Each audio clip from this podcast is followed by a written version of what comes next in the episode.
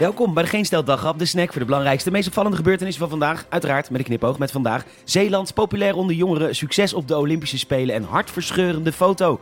Mijn naam is Peter Bouwman. Dit is het nieuws van zondag 25 juli.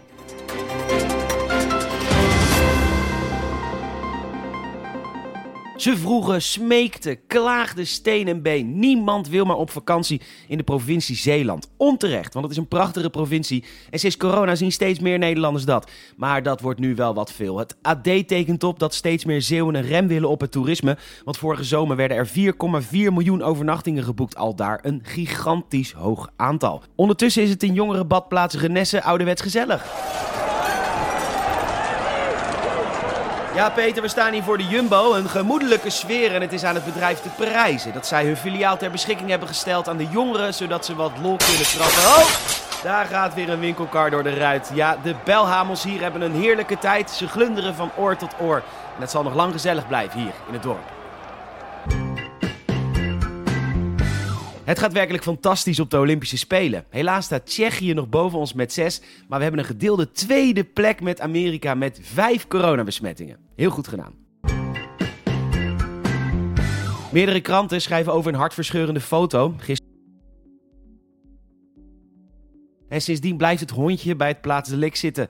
Niets of niemand zal het hondje van zijn plaats krijgen. Prachtig om te zien. Wat moet dit beestje van zijn baasje gehouden hebben? Hij zit er nu nog steeds, aangelijnd aan een lantaarnpaal. Mooi hoor. Prachtig verhaal in de New York Times.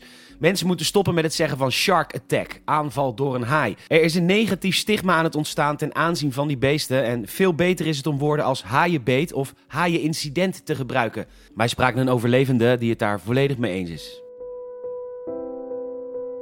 Ja, het beestje kwam naar me toe zwemmen tijdens een vakantie in Australië. In het begin was er niks aan de hand, maar al snel begon hij aan mijn been te knagen. Zachtjes in het begin, ietsjes harder later en toen beet hij mijn been eraf. Maar dat was nog maar het begin van het incident, want wat volgde was een onderarm en een andere voet. Ja, het was een heel vervelend voorval. Russia Today meldt dat Groot-Brittannië moet oppassen, want ze zijn niet meer exclusief met hun exclusieve scholen. Volgens Russia Today is er een nieuwe school geopend buiten Moskou, een van vele. Studenten aan de scholen mochten na een opleiding naar universiteiten als Yale, Oxford, Cornell en nog veel meer volgens Russia Today. Russia Today zegt dat het onderwijs daar echt top of the bill is. Bedankt voor het luisteren. Je zou ons enorm helpen als je een vriend of vriendin vertelt over deze podcast. Ook een Apple Podcast Review zouden we echt enorm waarderen. En geef ons een hartje in Spotify. Dan krijg je altijd een melding als er een nieuwe daghap verschijnt. Nogmaals bedankt. Tot morgen.